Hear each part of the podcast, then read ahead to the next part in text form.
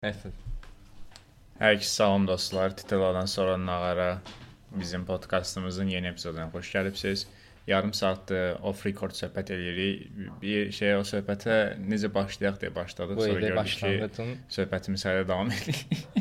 ASTV aparır. Amma nə? Ən yaxşısı dedim elə birbaşa şey açım, rekord açım. Deməli biz bu günləri danışacağıq Əqrəb mövsümü və ə, True Detective-in birinci sezonu haqqında. Bir öncə mükəmməl 2 idi. İkisi bir yerdə. Ha, bir də Last of Us danışacağıq. Last of Us danışacağıq da, bəli. Qutar bitməyib də. 5 bölümün danışacağıq. Yes. Okay, birinci Əqrəb mövsümündən, ya birinci Last of Us-dan başlayaq, elə sonra ikisini birbaşa müqayisə edərik. Last of Us, Last of Us çox bəyənildi. Hələ qutarmış. Həftəmin ən yaxşı 2-3 saat olur həmin o. Baxıram, sonra fırlanıram o bölümün haqqında rəyləri falan filan belə. Last of Us fanatı olmuşam yəni əməl başda. Mən Last of Us oyunlarının fanı olaraq başlayacağam. Last of Us. Ki oyunu yoxdur onsuz. Bəli. Elə dedin oyunlarını, elə bil belə 20 oyunu oyunluq seriyadır. İki oyun az da arası 16 saat falanca. Nəysə, onun teması odur ki, Last of Us-ın oyun sektoruna gətirdiyi böyük bir şey var ki, məhz oyunlar Last of Us-dan sonra hekayəni e, ön plana qoymağa başlayıblar. Last of Us-a qədər oyunlar nisbətən heçayə də yazırıq gedər idi. Last of Us oyun sektorunu heçaya baxımından çox dəyişir. Ona görə də e, ç- serialın nə qədər sa sadiq qalacağı çox maraqlı idi, amma qalıblar da çox qalıblar. Bir şey dəyişiblər, amma sırf heçaya üçün dəyişiblər. Ondan danışarıq birazdan. Bu niyə etalondur ki? Çünki Last of Us Yox, yəni bu orijinala sadiq qalmaq məsələsi. e, source materialdır. Çünki. E, Aha, so. Niyə? Çünki oyun çox yaxşı hekayəsi var. Okay, yəni da, oyundan Əlində daha yaxşı ya- hekayəyə sahib ola bilməz. Olsa- sənə görə deyirəm. Sən- 3-cü epizoda görə deyirəm. Mən əsas yalan. yox, ikinci epizodda mən var da şey demirəm. Gay olmasını var da oyunda da gaydi. Çox adam bilmir bunu. Aha. Oyunda da gaydi, prosta göstərmirlər çünki e, spoilerli şəkildə danışarıq birazdan. Biraz daha qısa olur detal. Mən Spoiler narahat danışırsa eləyən beş bölümdür spoiler danışma. danışır. Onda Spoiler danışır, hazırlı bəli. spoiler var Bu bundan podkast ümumiyyətlə spoilerlarla doludur. sonra. Spoiler, e, bilin ölməyi biraz məni narahat elədi. Çox tez girdin elə. Mən ona dedim də spoiler. Oyunda belə ölmür və niyə ölmür? Yox, Okay. niyə ölməyi narahat eləyir? Çünki bilin Oyundan spoiler vermə, oyunu oynamamışam mən. Deyə bilərsən ki, Oyunda hekayə eynidir hardasa. Və Hamı ölənlər. yəni oyun bitib də, amma bu serial bitməyib. 5 bölümünə baxmışam mən. Okay, da oyun Joel golf oynayır. Nəysə eləməyəcəm. Oyda əlimdə çox spoilerlər var ağacın. Demək istəyirdin ki, yəqin ki, Bill əhəmiyyətlidir, növbəti səhnələr. yox, növbəti serialda yox. E, növbəti səhnələrdə yox. Sırf e, Joel'un e, vəziyyətlə bağlı məsələn orada Ellie ilə arasında çox böyük e, dialoqlar var. E, gəlir deyir ki, mən həyatımda biri var idi, onu qorumağa çalışdım, olmadı. Daha Joel öyrəndi də onu bu epizodda da. Öyrəndi amma bir məktubla öyrəndi, amma e, bilmirəm tam o hissi vermədi nəsə. Bilirsən Yox necə? da, burada O- məsələn şey var idi ki, Joel ə, əvvəlcədən Tesla nə qədər hekayələr yaşayıb, bunlarla bir yerdə dostluğu olub, görüşüblər nə qədər falan. Böyük bir arxa plan var da Ha, hekayələrində. Yox, mən Yəni onun adamın dediyi hər cümlə qızıl Bilirsən kimi niyə başladı hekayə e, bu bilinən Frankın hekayəsi ilə bölüm onlara həsr olunmuşdu da. Gəldi, gəldi. Mən gözləyirdim ki, Frank öləcək də. Çünki ikisindən biri ölməli idi ən azından. Frank öldü dedim, "A, əla indi." Əla, əla. Enough shit. yes, d'accord. Yox. Elana da yox. Yəni bir Frank öləcək, sonra Frankın ölümünə klassik həyat yoldaşı ölmüş insanın Okay. depressiyası var, yox. Hə. Hər şeydən nifrət edir. Çünki bilə də çox uyğun idi. axı. Hmm. Serialın başında da gördüyə Jorman arası çox şey o değildi falan. Aha. Prosta sonra Bill Resky dedi ki, mən də özümü öldürürəm. Biraz Billin tam o xarakterinə uymadı kimi Bax, okey, bax bu, bu biz burdakı problem sən nədir? Sən oyunu oynayıbsan deyə. Bili Oyundan görəndə ya bil mi? dayan da imkan ver. Sən sən oyunu oynayıbsan deyə Bili görəndə ağlında sənin bir Bill var, bir personaj var da, yəni bir xarakteristika oturub. Sən seriala baxsan belə, o oyundakı biri yenə xatırlayırsan. Mənəm və yaxud da ki oyunu oynamamış bütün insanlar. Bu epizoda Bill Billi həyatı boyu görməmiş insanlar kimi girişmişik. Və onu da tamamilə belə tanımışıq. Üst təsəvvür elə bölümə baxıram mən. bölüm irəlilədikcə mən öz-özümə şey oluram ki, burada nələr baş verir də? Yəni haralara gəldik? Ən sonda da nə bilim, ölüm səhnələri falan görürəm ki, mən ağlayıram, kədər, ev qaranlıq falan, Yox. püskünə düşmüşəm falan. Açdım girdim IMDb-yə ki, epizodun Yox, balı Balon 7.5-dir. teması onsuz da o gay məsələləri də məncə orada şey də var bağlıdır da, bu homofobları çıxım qırağa, onlar heç, onlar onsuz da inseldir. Onlardan əlavə olaraq sənin dediyin arqumentlərlə gələnlər də var ki, nə bilim, Amma can mən bir dənə də şey yatırım ki, bir önəmli personaj deyildi oyunlarda, yəni mən birinin kim oldu belə yadımdan çıxmışdı. Onsuz da 2013-cün oyunudur. Mən oynamamışam vardı. YouTube-dan baxa-baxa. hamı elədi onsuz. Yəni onsuz da hekayə idi çox oynanış. Bəli. Buna görə ölə bilərəm oynanışı da yaxşı idi. İkin deyəsən oynanış çox qəşəngdir. İçin oynanışı çox yaxşı idi. Hekayə çox e, problemli temalar. Mövzunu var, dəyişmə, bilmirəm. dəyişən. Gördün ki, Hə, dayan, dayan. Bax, bir e, mən oyunu qoyuram qırağa vardı. Oyun Okey. hekayəsi vecimə deyil. Vecimə də amma hal-hazırda deyil. Hə. okay. Bir başda necə döyürük? E, Orijinal klassik material sadiqlik. Ron kimi döyürük də Parks and Recreation'da Hə, bildiyimiz Ron. mükəmməldir. Hər şeyə qarşı falan. Sonra risk adam e, birdən belə franklaşır. Okay, bu da mən də Birdən bir balans- olmur da 20-30 il keçirir. Məncə nəyə sayır? 20 Birdən birdən bir. birdən birə Hər səhnə fırlananda 10 il keçirir. biz birdən birə birə. görürük də, yəni biz 20 yox, məndə yenə də dəyişmir də. Adam- Sona qədər dəyişmir axı adam. Adam ölənə yaxın, təsəvvür Joel- neçə ildir bir yerdədirlər. Ölənə yaxın bağda sevişəcəklər, amma yenə də utanırdı. Yəni, Yəni nəyi də. dəyişib bundan artıq? Uzaq başa deyə bilərsən ki, bunları Billin Frankə ö- güvənməyi biraz tez Yox, oldu. hə bil özünü öldürməzdi məncə. Çünki niyə özünü öldürməzdi? Onunla ya- məncə Frank itirməyin kədəri ilə yaşamağı daha özünə yaraşdırardı. Bilmirəm. Bilin adına qərar verirəm, bəli. Danışma dəqiqə. Billə Elinin arasındakı interaksiyanı itirmək məni çox kədərləndirdi. Pisi də dedim mən dərdim oyundan kənara Oyun çıxmaqdır. deyil də, oyun deyil. Joel-a çox şey, daha nə bilim, detallı, daha çox şey Okay, ola bilər. bax, mən mən istəyərdim bax, ki, sən kim fikirləşərsən, oyunu bilmirsən nə olur. aha. Bir dənə fikirləşdi, Frank öldü, Bill ölmədi, depressivdir, Joel-la görür Exactly, belə. onu deyirdim elə ki, bir anlıq məsələn mən də orada fikirləşmişdim ki, kaş Ellie o ikisini görərdi canlı olaraq. İkisini də görərdi, təkcə biri yox. Çünki mən sənin kimi oyun fanboyu deyiləm deyə hər iki personajı sıfırdan tanımışam. Mən öz-özümə fikirləşirdim ki, kaş həqiqətən Ellie hər ikisini görərdi ki, yəni çünki Ellie'nin indiyə qədər gördükləri şeylər sadəcə pis şeylərdir. Yaxşı nə gördüsə öldü, yəni yaxşı nə gördüsə partladı, əlini hara vurdusa canavara falan çevrildi. Bəli. Qanunu verdi cəmaət yenə canavar. yəni qız hara gedir? O bölmə də gələrik. Hə, qız hara gedir özü ilə şiddət belə chat violence hara getsə R-rated olur. yəni Free City-yə getdi, şəhəri azad eləmişdi insanlar, şəhəri məhv elədi zombilər. Yəni mən istəyirdim ki, bu qızın həyatında bir dənə yaxşı bir şey olsun. Təsəvvür et, bir qızsan və sənin ata rolunu oynayan adamın dostları gay couple-dur. Qız üçün mükəmməl bir şeydir bu. Və o, o olmadı. Yəni o olmadı.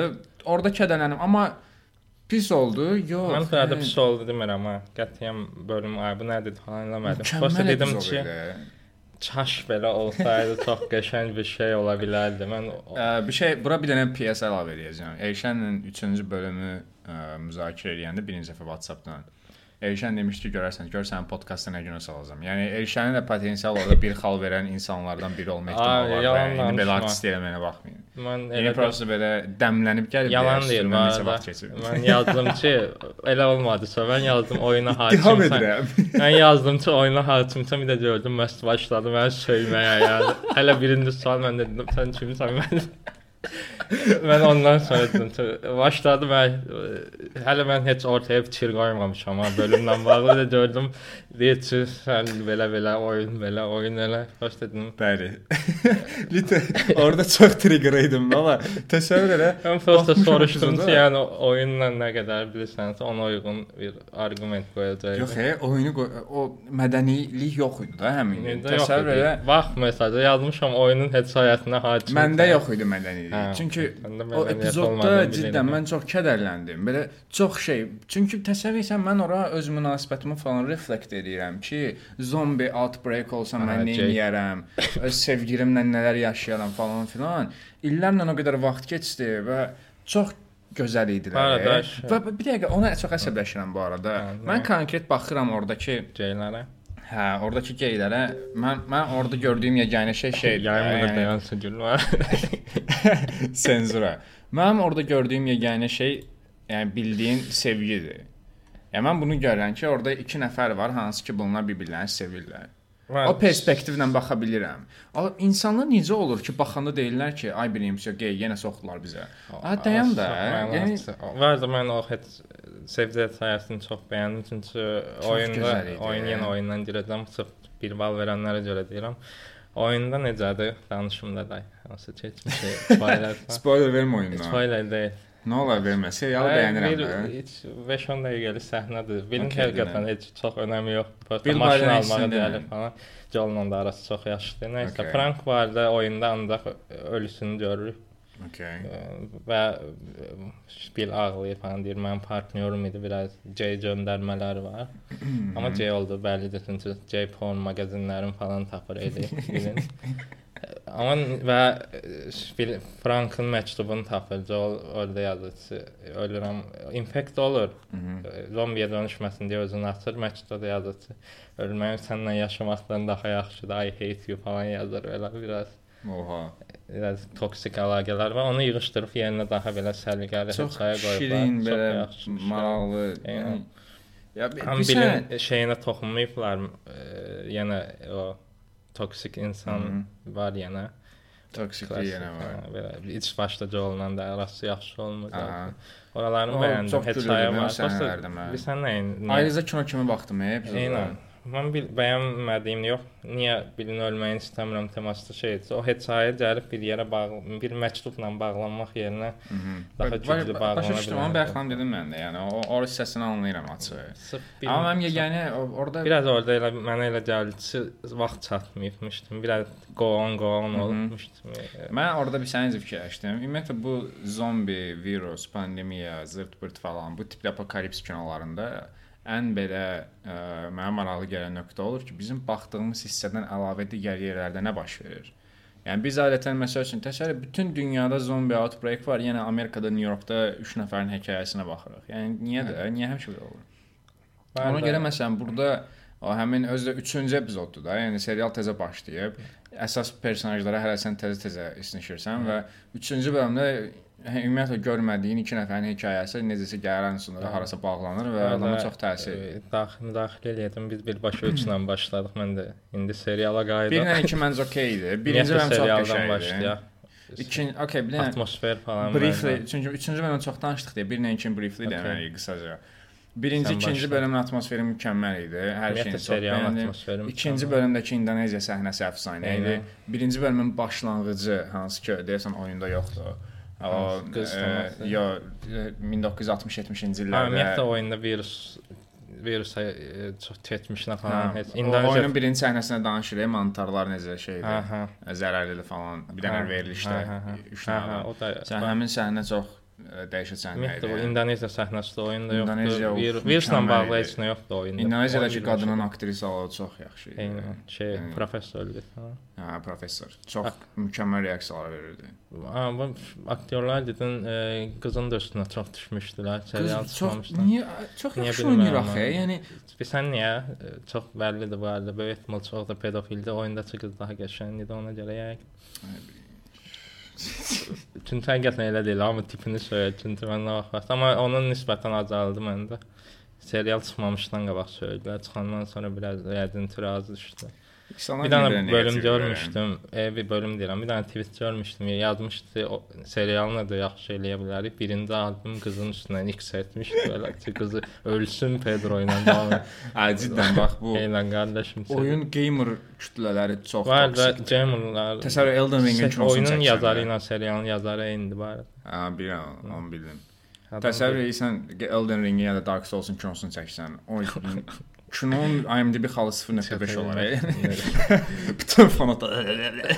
Oyda onların gamerləri daha pisdir. Təsəvvür edəcəklər ki, ayda mən oyunu 1000 saata qutardım. Kino niyə 2 saata qutardı falan. şey yazdırlar, oyun kino asandır.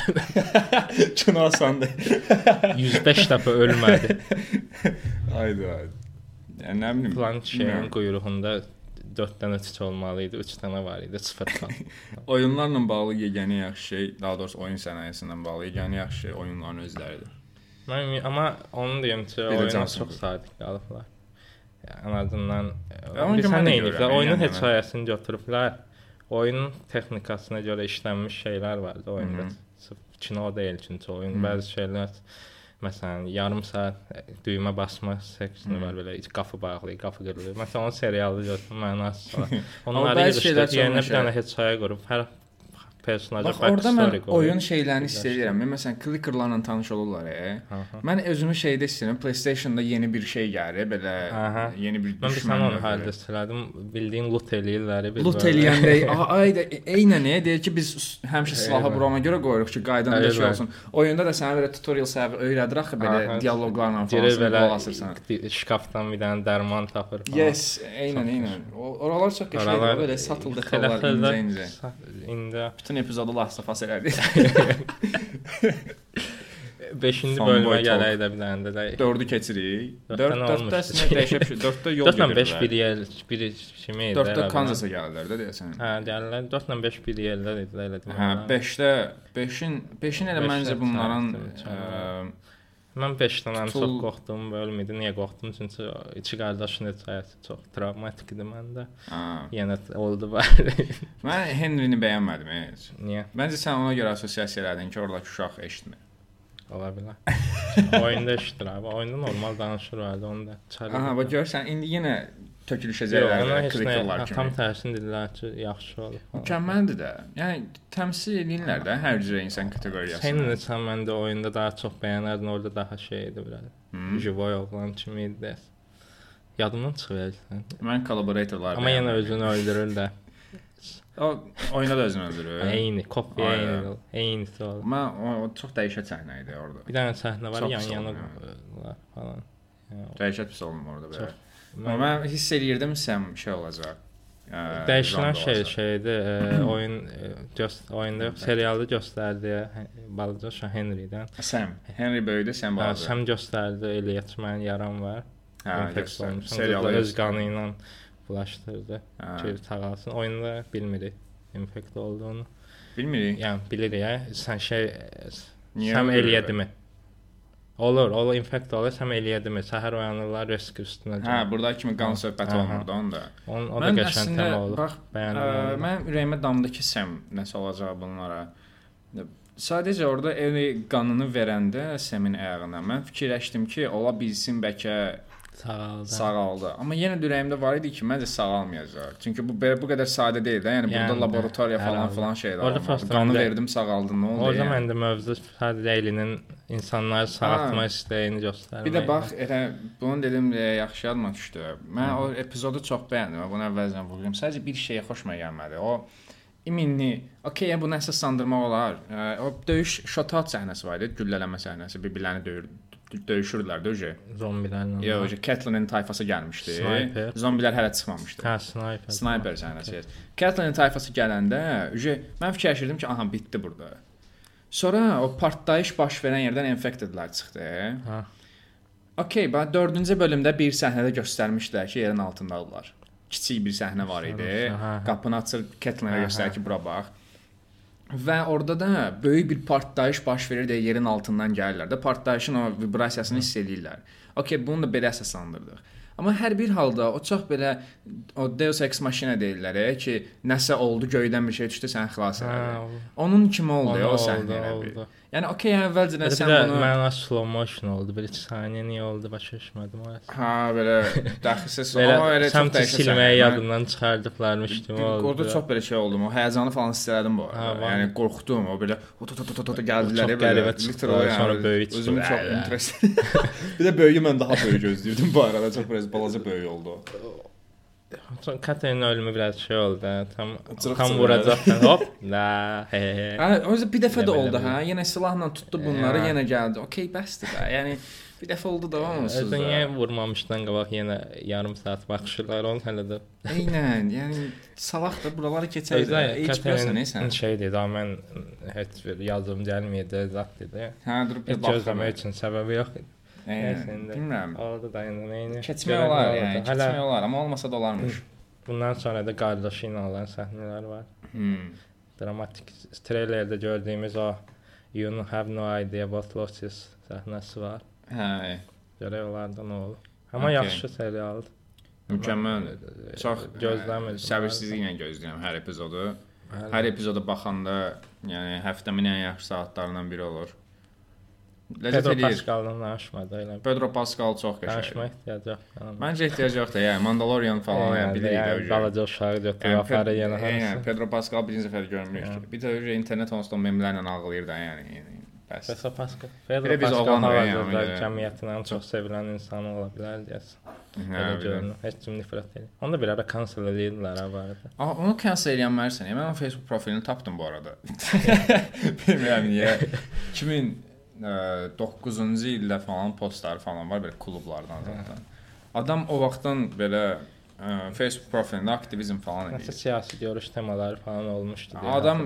LGBT friendlydir. Adam Donald Trumpa qarşı çıxıb falan, yəni Ya çox sən özü də Latin Amerikalıdır. Yəni sən onu necə cancel Şübhəsiz edirsən? kimsə paylaşmışdı ölən birini. Həmin adamda cinayətlər çıxmışdı, rape falan. Bu da bilmirdi. Bəzən olur da, O da sildi. hamı. Prosta cəmaət etmək üçün çox bəhanə axtarır. bilirəm. Yəni pedofilləri Rick and Morty cancel edilməsən, okeydir adam. Biraz. Olsa heç biri normal deyil. Edirlər də. Dan Harmon hələ hələ o biri yaradıcının bir dənə videosu var 2009-da uşaq zarafat eləyir məsələn. Adult Swim-in orada reaksiyası mükəmməl idi yəni. Kimin? Belə Hə, şey də, yəni xəbər çıxdı, məhkəməyə verdilər, Adult Swim gedib özü yəni çox cəsur addımda. Birbaşa yəni. Eşq olsun. Özü Rick and. Morty yəni belə bir şey deyil. yəni, Rick and Morty. Var bir dəqiqə. Ha, doğru. Bəli, mən pedofil deyiləm. Okay, Last of Us-ı yekunlaşdırdıq məncə. Keçək Əqrəb mövsümünə. Əqrəb mövsümü ilə bağlı ə, Elşən danışsın, çünki Elşən 3 bölüm baxıb.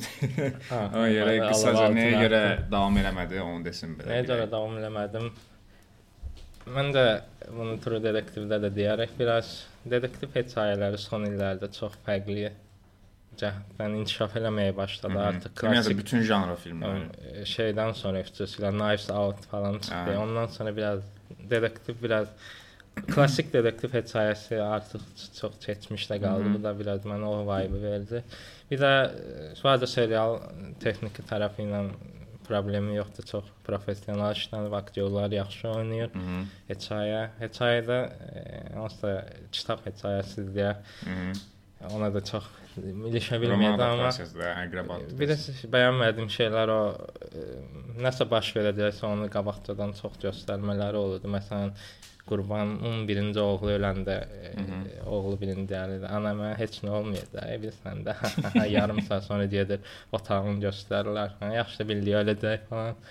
Bir də 3 saat yəni vaxt gör sənin oğlundur, bilmirik hələ, amma bax da sən yarım saat belə gedir. Məsələn, onu biraz sürətləndirə bilər. Sonra şeyin adı nə idi? Detektiv, baş detektiv gəldi. Kənan idi desin. Kim? Kənan. Kənan idi. Hə, Kənan Hikmət məsələn. Rəhimov Hə, deyirsən. hə. Kənan. Kənan təzədən gəlməyi də məsələn, həm baxan kimi bilinirsə gələcəyi də. Onu da biraz 2 saat razı salmağa çalışdılar. Sonra ölü uşaq gördü. Okay. ə, Yəni açığı Elşən də tamamilə introda baxdım da. Bütün sonradan baxdım. Ə, Əyləndim, xoşuma gəldi. Yəni yenə olsa yenə baxardım, bəli, baxardım. Ə, amma açığı belə deyim, mən daha çox serialı bitirməkdə əsas səbəbim oldu ki, Azərbaycanlılar, ə, daha doğrusu Azərbaycan serial sənayesi şey kəşf elədi. Prime time serial. Hı. Yəni bu Amerikada falan var. E, saat 9-da NBC-də bir dənə AMC-də serial çıxır. Bütün Amerika oturur baxır. Amma ən çox televiziyanın izlənildiyi saatda Bəli. yayımlanan serial. Yəni biz buna gəldik. Bu bu o deməkdir ki, Azərbaycanlıların bütün ölkənin danışa biləcəyi serial potensialı var. Çünki yəni bu şey deyil də, məsəl üçün biri var türk serialları, çəhrayı seriallarda, çəhrayı drama Aha. falan. Bu amma çəhrayı drama da deyil. Lap belə mükəmməl incəsənət dəyərinə sahib olan bir serial da deyil. Ortalama Average bildiyin NBC, AMC serialıdır da. Yəni bilmirəm kanalların adlarını, random hərf Dilini abreviaturalar dəyiş, deyil. dublaj elə qoymasan çox palit eləməz. Eynən, fəaliyyət eləməz. Yəni bildiyimiz prime time show. Yəni. Və məsəl üçün bu da hardan hiss olunur? Hər şeydə, məsələn, baş personaj hansı ki, belə cool, yavaş, yaxşı qəşəng səsli, karizmatik falan filan belə. Yalnız şey, literal olaraq. Yalnız hə belə Ryan. Gosling. Ryan Gosling. Ryan Gosling sağı fırlanır üçün bəli. Sonra nə bilim, digər bir personaj daha belə gülməli amma eyni dərəcədə də dramatik daha- şeylər eynən. olan, bir qız sevən falan. S- Hə, sonra baş personajın ə, evində problemləri, uşağın Ölü uşaq, ölməyi, true detective yəni. Hə. Bu şeydir də, yəni ən belə şablon janraya aid olan şeylərdir bu detektiv janrına aid olan şeylər. Bunların yenə deyirəm, pis mənada demirəm, əksinə yaxşı mənada deyirəm. Çünki bunları eləmək özü qəliz arada biz bunu məsələdir. tək Azərbaycan standartında müzakirə Demirik, eləmirik. yox, beynəlxalq səviyyədə. Çünki Azərbaycan bunlar kinosu da çox yaxşıdır. Onu yəqin ki demək. Hə. Bunlar özləri aktyorluq mükəmməl. Hikmət Rəhimov, Azər Aydəmir bəzən biraz daha çox özlərini oynayırlarmış kimi gəldi, amma yenə də okeydir, bəyəndim hər şeyini. Nə demək istəyirəm, başa düşmədim. Yəni normalda da məsələn Hikmət Rəhimovun ə, intervyularına baxıram. Elə bir Kənandır da danışır. Amma ki bu Kənandır da çünki nəticə etibarilə detektiv elə nə, maksimum nə etsin, Joker kimi Yəni güləsi deyil ki, yəni elə böyük bir diapazonu da yoxdur. gülməli olar. elə böyük bir diapazon olmadığına görə orada da belə dəyişə bir şey yoxdur, amma hər bir halda ə, aktyorluqları da bəyəndim. Hətta məsəl üçün mən bəzi şeylərin fərqinə vardım orada ki, rejissor burada özü ə, istəyib ki, özünün təsəvvüründə olan, hədəflərində olan şeylərdən birini canlandırsın, eləyə bilsin. Məsələn, o ad günü səhnəsi. Ə, serialda sən oralara gəlmədin.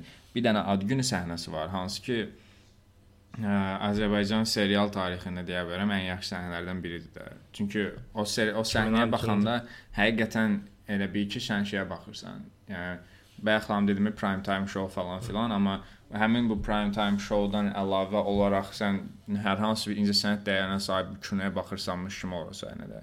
Çünki oradakı emosiyalar, dialoqlar, mahnı, hərəkətlər və s. axırda da çox qəşəng bir belə kulminasiya nöqtəsi olur epizodun. Yəni o epizod ümumiyyətlə ən yaxşı epizodlarından biri idi də serialın. Çox qəşəng idi. Bir digər məqam o idi ki, epizodların hər birinin sonunda digər epizoda keçirəcək bir şey buraxılırdı. Cliffhanger deyirlər. Cliffhanger, e. hə. Cliffhanger. Ə, bu da məsəl üçün bunu da yenə pis mənada demirəm. Bunu da kəşf eləməyimiz yaxşı oldu. Çünki Netflix bunu artıq illərdir eləyir. Epizod bitir, digər epizoda keçirsən, çünki epizodun sonu sənə buna səbəb olur. Motivasiya verir. Motivasiya verir, bəli. Bunun özü məsəl üçün Hitchcock'un falan ilkin vaxtlarda elədiyi, Hitchcock'un vaxtlarında Amerikan bu seriallarını və s. Ə, kəşf olunan bir şeydir. O vaxtdan da istifadə olunur hələ də. Psycho ilə falan başladı. Hə, bu ən sonda bir şey olanda uje gözləyirsən ki, sonra növbəti hissədə nə olacaq və s. Bizim buralara indi gəlməyimiz biraz problem ola bilər, amma gəlməyimizin özü belə Hətta son Mükəmməl bir şey. 2-3 ildə çox irəlilədi elə bil. Burada əslində Hikmət Ərrəhimov məsəl üçün onun hər yerdə mövqe qoyması Mədəniyyət Naziri ilə bağlı və s. bunlar hamısı təqdirə layiq bir şeydir. Hə. Hər nə qədər serialın özündə müəyyən qədər prokurorluq propagandası hiss eləsəm də, hətta çox istərdim bunu. Məsələn, indi ə, bizim analoq olaraq seçdiyimiz True Detective-dən danışanda da bu mövzuya toxunacağam. Amma bu serialda o ə, dövlət propagandası, prokurorluq propagandası gözlədiyimdən daha çox idi. Bəlkə də normal adi insanların hiss eləməyəcəyi qədər idi, çünki onsuz bu ölkədə yaşayırıq və orta statistik Azərbaycan onsuz Nəzərə alaq ki, patriotdur. ictimaidə verilən serialdır. Eynən, onsuz da patriot deyir ki, Hə, hə, okey, prokuror nə deyil. qəşəng falan. Amma yəni biz normalda hamımız bilirik ki, bu belə deyil. Hər bir halda ə, yaxşı idi. Bütün elə deyiləniniz hər şeyi dəstəkləyirik, izləməyə davam edəcəyik. Kino çıxacaq pərdə arxası. Mən burada tək qalmışam idi deyəsən adı. Ona da mütləq kino teatrda gedəcəyik. Səhifədə də paylaşdıq onsuz da kinoya baxaq. Kino YouTube-a düşsə kinonu da paylaşarıq. Niyə də yox. Dəstəkləyirik. Eşq olsun. Daha çoxunu gözləyirik də. Daha çoxunu gözləyirik. Daha yaxşılarını, qat-qat daha yaxşılarını gözləyirik. Amma yenə də baxacağıq. İndi True Detective, True Detective. True Detective, True Detective bilin dəyişəti idi True Detective. Mənim ən sevdiyim 3-4 serialdan biridir. Yəni. Mən çox vurdu. Hadi ancaq birinci sezondan danışdıq. Çünki birinci sezon. True Detective deyəndə ikinci sezonu fikirləşən varsa, yəni bilmirəm. Varsa ə, Varsa uğurlar. bəli. Ə, açığı Ə, okay, sən daha əvvəlcədən baxıbsan True Detective-ə, üstündən vaxt keçib dəmlənibsən. Mən indi həyəcanlı fanboy kimi danışacağam, ona görə sən buyur. Mən başlayıram. Bəli. Mən başlayıram. Həm deyirəm, hər şey yadımdan çıxır. Yox, onsuz da filmləri unuduruq da, sən emosiyaları Yəni, danış. Belə deyim, mən 1 ilə yaxın WhatsApp profil şəklim Raskolun siqaret çəkdiyi şəkli falan olmuşdu. Həyatı boyu siqaret çəkməyən bir insan olaraq. Bəli. Raskol. Adamın siqareti dartışı çox mükəmməldir. O bir aktyorun adı nə idi? Matthew. Woody Harrelson. Hə, ən sevdiyim aktyorlardan biri də adı yadımdan çıxdı heç. E, Matthew McConaughey və Woody Harrelson ikilisi olan bir şeyi nə qədər bəyənməyə bilərsən onu da bilmirəm. çox mükəmməl idi. Bax mən ə, bu həftə baxdım. Birinci gündən etibarən başladım. Bu gün bazar günü olduğunu nəzərə alsaq, dünənləri bitirdim. 6 gün 8 epizod. Ə, əslində hər bölüm bitəndə istəyirdim ki, mən bunu şey edeyim, bir günə bitirəm hamısını. Sonra deyirdim ki, yox da, elə dəmlənə-dəmlənə getsə yaxşıdır. Birinci, ikinci, üçüncü epizod, ümumiyyətlə bütün epizodlar bu arada hamısı belə stand-alone, yəni hekayənin özündən kənara qoysaq, kənarda qalacaq epizodlar hamısı. Özdə orada bir ə, deyəsən 4 ya da 5-ci epizod idi. Orada ə, bikerların arasına girir. Ə, Baytır. biker da bu motosikl sürənlər Hə, hə, falan hə, orada girir. Nəsə oğurluğa gedirlər qara dərilərin evinə falan. Orada 15 dəqiqəlik bir sekans var belə tək kamera gedir. Orada məsələn mən fərqinə vardım ki, tək kameranı biz həmişə tərifləyirik ona görə ki, kinematografik olaraq çətin bir şeydir və ə, bunu eləyəndə rejissor öz gücünü göstərir falan filan kimi belə yozurdu, amma tək kamera mən gücünü orada başa düşdüm ki, biz məsələn normal film izləyəndə ə, bir insan nəsə bir şey eləyir, action. Digərinin reaksiyasını və yaxud da digər orada nə edir onu görmürük. Məsələn, sənin baxırıq da, sənin close-up'ındır, mən digərlərinin anlıq olaraq sənin verdiyi reaksiyanı görmürəm və yaxud da baş verən hadisələri. Amma ümumi miqyasda bir şey baş verəndə, tək kameradan istifadə edəndə, burada baş personaj nə edir, burada digəri nə edir, burada ümumiyyətlə digər figuranlar nə edir və s. hamısını görürsən. Və hara baxacağını özün seçirsən də. Həmin səhnəyə sən bu, bu 5 dəqiqəlik səhnə hər şeyi görürsən deyə əslində montaj kimi eləsən hər adamın reaksiyasını 1 saata qədər uzada bilərsən, o qədər zəngin olur. Ona görə orada tək kameradan elə mükəmməl istifadə ediblər. Çox da istirədim. Bayaq dedim, klassik detektiv hekayələri falan. Aha, bu qətiyyən elə deyil. Bunu Detective bunu necə həll etməyə çalışıb?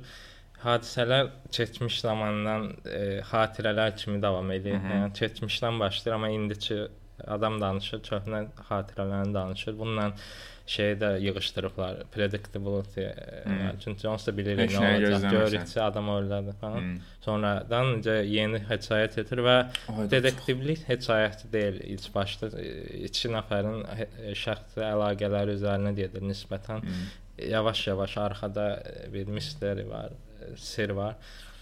E, Heç axırda da o heç məndə o qatildən Spoilerlə danışmır. danışacağıq. Məsələn, ilk 4-5 bölümdə o sən dediyin məsələ var ki, mən ücə birinci bölümdə deyək ki, tutulub, tutublar qatili. Aha. Ona görə sən birinci, ikinci, üçüncü bölümlərdə ə, qatilin tutulduğunu bilirsən deyə o detektiv janrasına xas olan sən özün də detektiv kimi hiss eləmək söhbətini eləmirsən. Ha, görəsən. Sən sallırsan belə deyirsən ki, "Okay, apar məni. Görüm nə olur burada." Baxırsan personajların reaksiyalarına, o Rastın oturub içməyinə, çəkməyinə və elədiyi söhbətlərə. Bəzən başa düşsən, bəzən başa düşməyib, arxaya fırlayıb təzədən bir qulaq asan ki, "Ala bu nə deyir" falan. Yəni oralar o rejissorun o qatdığı dəyərdir də ki, yəni mənim burada danışmaq istədiyim söhbət qatilin məsələsi deyil. Orada rast məsəl üçün bir dənə söhbət edirik. Bəzən elə bir biz elə bir cycle-dayıq ki, 2 dənə uşaq o otaqda yenə olacaqlar.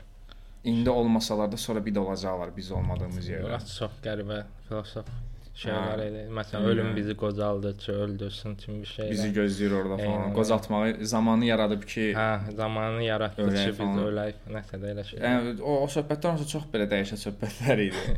Amma o bilmirəm. yəni, Məsələn, iki dənə fərqli personajdır da Woody Harrelsonla Matthew McConaughey orada. Bu ikisinin dəxilsiz belə mübarizəsi də var. Prosta məsələn biz daimi olaraq ilk bölümlərdə fikirləşirik ki, əslində Woody Harrelsonun canlandırdığı personaj müəyyən qədər tupoydu da, hard. Eynən. Konservativ Amerikan rolunu oynayır, amma axırıncı Donat bölümdə deyən polis. Eynən. Axırıncı 2 bölümdə görürük ki, əslində elə deyil. Yəni da- Donut yeyən polis belə hekayə bax, rastdan başlayır, qırılır, sağa gedir. Eynən. o biri də gedir belə.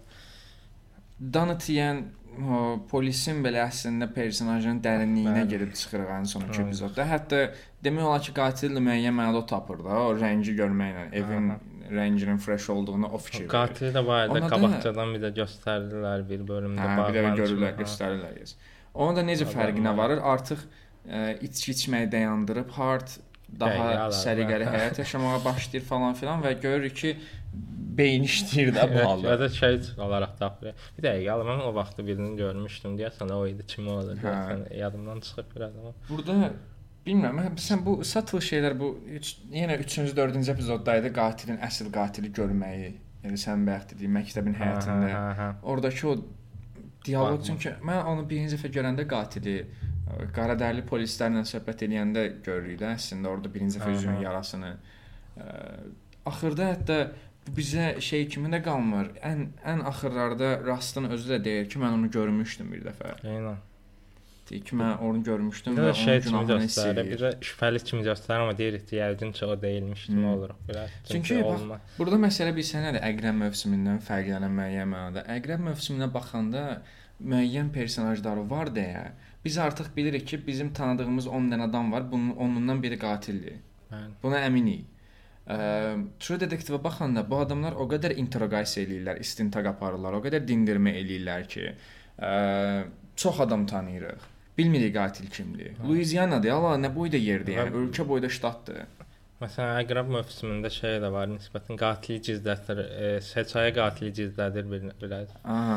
Tur detektivdə gizlətməyə çalışmır əslində. Yəni çal göstərmir kimi, amma məqsəd qatilin gizliliyi deyil, də orada qatili axtarmaqdır biraz. Mhm. Çox mənasız cümlə oldu, amma nə istifadə eləmirik. Yəni ümumi Raskol kimi eləyəcəm. bütün bu Axırda da qaranlıq göyə baxırlar belə. Brom, çox, bromans. çox superdir valla. Yəni biz indi burada oturub şey danışmayacağıq da ki, orada ə, okkultlar, kultlardakı Yəni, mənalar nə idi, ağaclar nə demək idi falan filan. bla bla bla. Zırh pedofiliya falan filan. Bu kimi dərdimiz yoxdur çünki biz özümüz də bilirik ki, yəni məşhur quote olan Everybody Everybody's is a fucking mükəmməl idi. Amma bir çox şey burdan imiş ha bu arada. Hə. Everybody's a drama queen, sonra nə bilim Hə. o Black Pilot zarafatı. Ha, O da buradan Hə, hə, hə. Yəni sonra bu bir-birinə orta barmaq göstərdikləri Eynən. səhnə falan. Çox Yəni cultural impact. Mən hansıdan sonradan fərqinə vardım təəssüf ki. Sən demə 2014-də çəkilən bu serial Matthew McConaughey-in bu rom-com söhbətlərindən çıxdığı vaxtlardır. Eyni ildə Interstellar da çəkir və serial hətta True Detective o qədər izlənir ki, ə, ən çox izlənilən R-rated serial falan Yəni, olur hətta. True Detective-in mükafatları çox olmamasının tək səbəbi Breaking Bad-la eyni vaxtda düşməkdir. Hə, Var. elədir bu arada. Hə, şey hətta Bryan Cranston çıxır, mükafat verəndə deyir ki, mən belə Matthew-nu udmağını gözləyirdim falan, belə bir şeydir. Hə, çox təəssüf ha, mən bunu bilmirdim məsələn. Matthew çünki çox layiq idi. Yəni. Həm də bir sezonda deyə Adam 3 rol oynayır. Hə.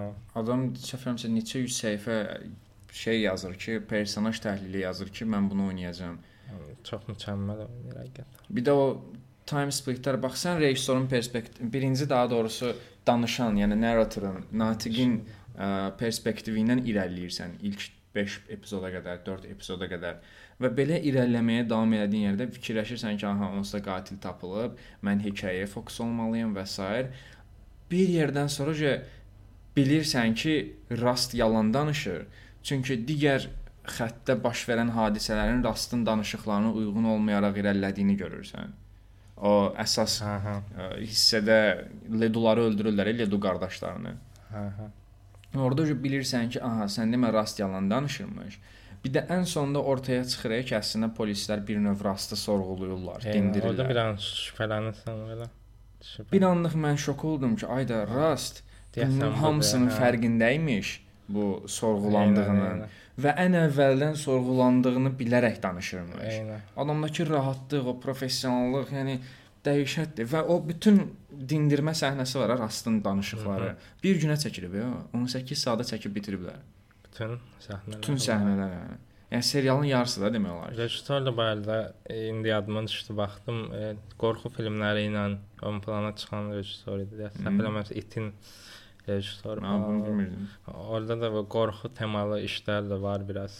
Xüsusilə o bir dənə otağa girirlər, mis, Mhm. biraz mifologiya. Hə, bildim, bildim, yes. O şey, Çox var, ha, qorxu effekti çox var. Çox Mən var, bir çox yerdə Maral- qorxdum. Maral boyunda da deyəsən. Hə. Yəni çox qorxucu şeylər var idi. Amma yəni o qədər ba- baxa bilirsən də. Yəni həm şeydir. janraya bu qədər sadiq qalıb, həm janranın çərçivəsindən, sərhədlərindən bu qədər kənarlaşıb əlavələr qatmaq. Bilmirəm, yəni həqiqətən şahesərdir. Bu serial baxmayıbsa gedib baxsın, olsa qısadır yəni 8 bölümdür. 8 bölümdür bəli. Hərəsi də Hərəsi 50 dəqiqə, maksimum 1 40, 50. saat. Hə, openingi falan olsa 2 dəqiqə. Openingi də çox qəşəngdir. Openingi də çox. Mahnılar çox qəşəngdir. Aktyorluq çox Hələ də qəşəngdir. qulaq asıram bu arada. Ə, o qadın rollar çox qəşəngdir. Yəni hər şeydə bu ayrı rollar və s. Balaca qız yox. Balaca qız dedim, az yaşlı yox o şeyin m, Woody-ni xilas elədiyi qız var. Ha, ona da ayaqları gəldi. falan. Çox qəşəngdir o. Instagramda Qızı da çox axtarmışdım qəşəngdir. bir ara. O, Rosario idi deyəsən. O birinci Yəni, heç bir ildən follow katib olan, eləmişdim onu. məsələn, katibə olan məhkəmədə Sonra- çox qəşəngdir məsələn. Metin həyat yoldaşı ayrılırdılar yəni. Hə, Maggie. Mən o səhnələri bu arada görmüşdüm əvvəlcən. O ə, şey səhnələri. arvadı ilə. Yox, o yəni, 18 bir dəqiqə plus o- olan səhnələri görmüşdüm əvvəlcən. Hamısını bir-bir. Okey, Başa düşür. Bunu prosta istədim vurğulayım. Yəni o dərəcə qəşəng idi ki falan. Yaxşı, Azərbaycan. Ə, deyəsən prodüser açıqlama verib ki, mən əslində bunları prosta cable-da, yəni televiziyada yayımlanır deyə əlavə eləməli oldum. İstədilər məndən. Deyir, mən özüm istəsəm bunları əlavə eləməzdim. Amma əlavə eləməsəydin, məsələn, bəlkə də Bəlkə. Anyway. Çox bəyəndik True Detective-i. Ümumi qısaca Last of Us-ın epizodlarını səbirsizliklə gözləyirik. Əqrəb mövsümü tam dəstək. Ümid edirik daha yaxşı seriallar da gələcək. İkinci sezona məncə ehtiyac yoxdur bu arada. Məndə bir dənə Last of Us game oyun fanatlarına da elə belə göndərmə eləyirdim. Ümid edirəm olar. golf oynamaksız falan. Nəysə bunu başa düşənəm. gamerlar, gamer kütlə bizi salın. İmkan verin Yəni seriallara. sa ya da homofob deyilsə salmaya bilərsiniz. Ah, biz də çox küzdük ya. La Witcher-da cəmaatı öldürürdük. Amma indi pis adaptasiya var, yaxşı adaptasiya Yəni var. Witcher eləməli. Witcher elədiyi çox spoilerdir Yəni, ya. ciddən də, yəni okey, orijinaldan çıxıb belə çıxmadı. Əlində şey özündən niyə şey yaradırsan? Birbaşa copy paste eləsən ideal bir şey çıxacaq Yəni də. onsa. Nəysə. Nəysə. True Detective-dəki mütləq baxın. Yox, hayır, bir dəqiqə, mən bir dənə də etiraz eləmək. Kitabda Sirinin sehri üçün bir kitab deyilir ki, Siri bir dənə sehr eləyəcək deyə bir kitab gözləyir. Adam zülm çəkir. O serialda prosta yenə deyir ki, eləyə bilərsən deyə hazırsan. Bum bam bim bum. Ok. Şey, Henry Cavill ona görə çıxdı yəni dedi ki, nədir? Nəysə. Belə dostlar, əm, 42 dəqiqə, 43 dəqiqə bizi izlədiyiniz üçün çox şadıq. Növbəti epizodlarda görüşənə dək Bəli. sağ olun, salamat qalın. Bye. Bye.